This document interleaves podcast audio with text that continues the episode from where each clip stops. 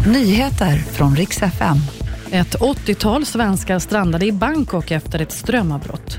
Och nu kommer nya teorier om covid-viruset och var det egentligen kommer ifrån från början. Vi ska börja med covid-viruset som troligen uppstod i en läcka i ett labb i Kina. Den här slutsatsen finns i ett hemligstämplat dokument från USAs energidepartement, skriver The Wall Street Journal.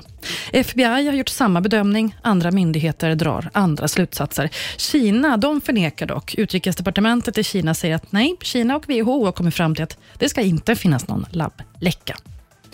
På flygplatsen i Bangkok där är det rörigt just nu efter ett stort strömavbrott.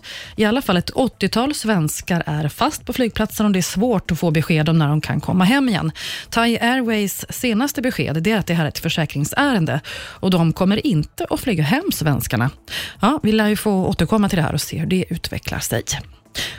Och så ska jag prata om planerna för kröningen av kung Charles som ju pågår. Och Det ska inte vara något mossigt gammalt event det här inte, utan moderna artister vill man ha.